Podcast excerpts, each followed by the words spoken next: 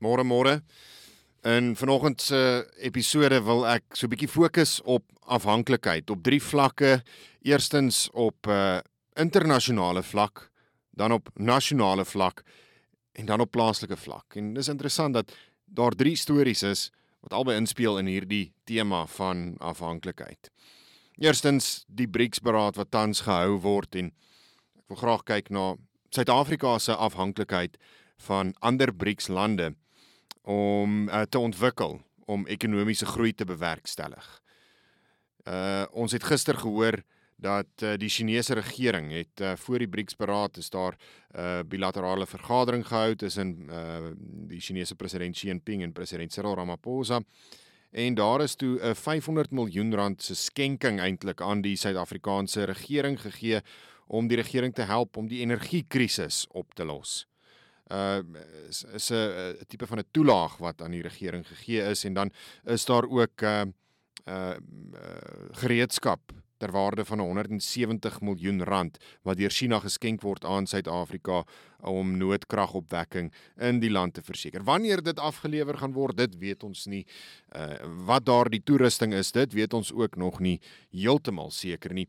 Maar China wat ehm um, uh sy beursie oopmaak vir Suid-Afrika om ook te help um met ons kragkrisis hier op eie bodem. Die vraag wat mense moet vra is um uh hierdie geskenkies wat ons so ontvang wat moet ons teruggee aan China want niks in die lewe is natuurlik verniet nie. En ek dink ook nie hierdie is sommer net 'n gratis geskenkie wat uitgedeel word deur China nie. Daar word 'n uh, verwagting geskep dat ehm um, Suid-Afrika dalk redelik goed gunstig moet wees met China ehm um, in sy toekomstige projekte ook hier in Suid-Afrika. Ons weet reeds en daar is al baie berigte oor wat China op die Afrika kontinent doen. Daar is 'n uh, uh, navorser of 'n analis wat uh kyk na hierdie ehm um, verhouding tussen Afrika en China wat op 'n stadium gesê het as 'n gebou hoër as 3 verdiepings is, dan word dit deur China gebou. En as 'n pad langer as 3 km is, dan word dit deur China gebou. En dit is die werklikheid van infrastruktuurontwikkeling in Afrika. China het die hulpbronne in Afrika nodig vir sy ekonomiese uitbreiding uh waar waarvoor hy ook baie beplan. En baie van dit uh is hulpbronne wat slegs in Afrika beskikbaar is ehm um, kobalt byvoorbeeld manganese is nog 'n voorbeeld. Ehm um, katoen, ek dink 20% van China se katoen kom van Afrika af. Steenkool is nog 'n voorbeeld. En Suid-Afrika natuurlik ryk in steenkool. So wat China doen is hulle staan hierdie lande by met die infrastruktuurontwikkeling met die verwagting dat hulle ook natuurlik uh goedgunstige tariewe gaan kry wanneer daar uh gepraat word oor uitvoer tariewe om daardie minerale vir so goedkoop as moontlik in in China te kry. So dit is 'n ek gee iets maar ek verwag ietsie terug situasie en natuurlik dink ek is dit in hierdie geval waar ons 'n ewe skielike skenking ontvang uh, om ons elektrisiteitskrisis op te los, uh, gee iets maar verwag ook ietsie terug situasie. Wat is dit wat uh, China terug wil verwag? Wel, uh, hieroor kan mens uh, spekuleer. Maar een ding wat ek wel weet is China is baie lus om ook betrokke te raak by ehm um, mineraalontginning in Suid-Afrika wat hy dan weer tuis op tuisbodem gebruik. So hier bo in Limpopo in die Messina omgewing is daar 'n spesiale eko ekonomiese sone al ruk terug op die been gebring en ehm um, China wat reeds 'n groot rolspeler is en en deel is van die ontwikkelaars van hierdie spesiale ekonomiese sone. Daar is egter 'n paar uh, struikelblokke in die plek geplaas van hierdie spesiale eko ekonomiese sone, uh omgewingsvereistes waaraan daar nie voldoen word nie, die skade wat aangerig word aan die omgewing indien daar voortgegaan word met hierdie spesiale ekonomiese sone en ek kan maar net voorspel en mense kan maar net daaroor spekuleer maar dat daardie struikelblokke ewe skielik baie vinnig uit die weg geruim gaan word. Ons het dit gesien gebeur ook met uh, Car Powership oor hoe vinnig uh mense kapituleer sodra daar um, genoeg geld en gunsies na hulle kant gegooi word. En mense kan dink dat dieselfde dalk gaan gebeur In hierdie geval, Suid-Afrika sit in 'n energiekrisis.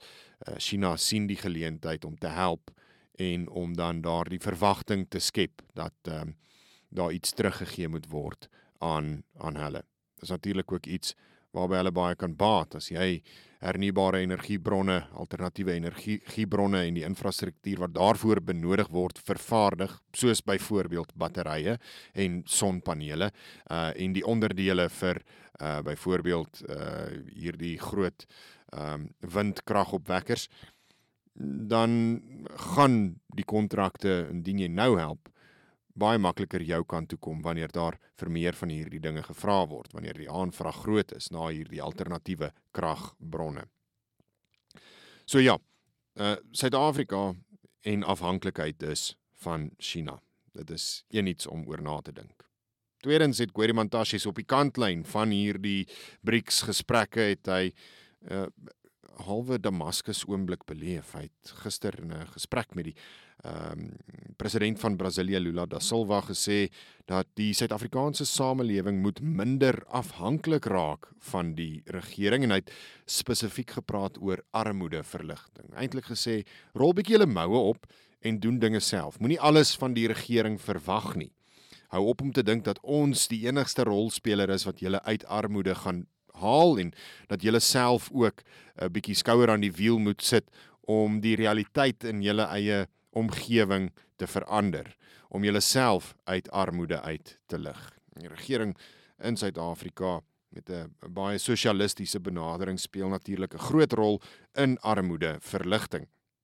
En ehm um, die maatskaplike toelaag wat uitgedeel word, maak hierdie mense redelik afhanklik van die staat. As daar nie daardie toelaag betaal word nie, dan sit daardie werklooses sonder enige inkomste, dan sit hulle sonder kos op die tafel en dan sit ons met 'n hongersnood probleem. So 'n groot groep van die Suid-Afrikaanse bevolking wat afhanklik is van die staat en hier sê 'n staatsman nou soos Gweri Mantashe uh, wat 'n uh, veteraan in die ANC is, wat self die minister van minerale bronne en energie is, dat Dis tyd dat Suid-Afrikaners en die Suid-Afrikaanse samelewing minder afhanklik moet raak van die regering uh wat betref uh armoedeverligting en ontwikkeling van die samelewing.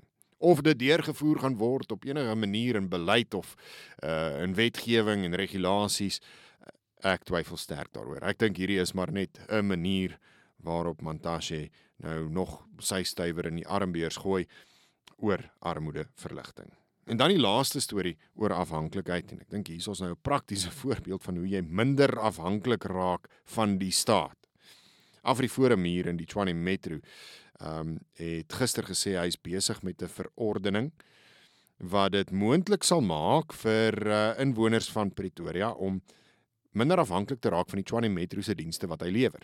Na die staking deur SAMU het ons gesien ehm um, byvoorbeeld met vullisverwydering dat privaat vullisverwyderaars het ingespring en gehelp om daardie diens wat die metro moet lewer en tans nie kan lewer nie om dit wel te doen aan inwoners. En Afriforum beskou hierdie as 'n oomblik waar die metro nou ehm um, ander wette kan oorweeg om te sê goed, gee vir inwoners die keuse wat hulle wil gebruik. In daardie gevalle waar inwoners wel jy weet die keuse kan uitoefen om van privaat dienste gebruik te maak, uh, gee vir hulle gee net vir hulle daardie keuse. So hulle kan nou kies tussen die metro se vullisverwyderingsdienste en uh die die privaat dienste. Dit is die voorstel. Ek sê nie dit is wat nou goedgekeur is of wat gebeur het nie, maar uh dit is die voorstel dat daar 'n keuse gemaak kan word tussen die metro se dienste en privaat dienste. Nou ek weet nie of die metro noodwendig uh so bly sal wees oor hierdie voorstel en dit noodwendig gaan oorweeg nie vullisverwydering is een van die basiese dienste wat die metro moet lewer en hy sal aanvoer dat dit nie iets is wat hy kan uitkontrakteer of wat hy wil uitkontrakteer nie. Miskien uh met Siljebrink aan die stuur is dit dalk 'n uh, uh is die situasie dalk 'n bietjie anders. Uh Maar hier is nou 'n praktiese voorbeeld van wat kan gedoen word indien jy 'n uh, samelewing minder afhanklik wil maak van die regering. Ons sê nie sluit uh, munisipaliteite uit en privatiseer alles nie, maar gee ten minste daardie daardie keuse. So die metro word nou met 'n keuse gelaat oor of uh, dit dan nou uh, steeds in die hande moet wees van die metro vullisverwydering en of uh, privaat kontrakteurs ook daarbey betrek moet word. Die realiteit is ook egter dat daar waar die metro faal, word dit reeds gevul deur privaat dienste. So dit is nie eintlik 'n keuse van uh of ons dit gaan toelaat of nie. Dit is hoe gaan ons aanpas by dit wat reeds besig is om te gebeur en gaan ons dit bywerk in ons verordeninge om dit net meer te stroomlyn. Ons sien dit gebeur in Johannesburg ook waar uh, brandweerdienste en privaat maatskappye lewer nou die brandweerdienste wat die Johannesburg Metro nie kan lewer nie. So ons is besig om in so 'n stroom te beweeg waar al meer magte eintlik of die regering dit nou wil hê of nie word afgewentel en al meer mense wat uh self eintlik uh hierdie ehm um, hierdie dienste kan lewer wat gelewer moes word deur die regering deur 'n falende regering gaan al meer van daardie magte vir hulle self toeëien. Nie noodwendig 'n slegte ding nie. Op daardie noot groet ek jou En onthou, soos altyd, groete by die huis.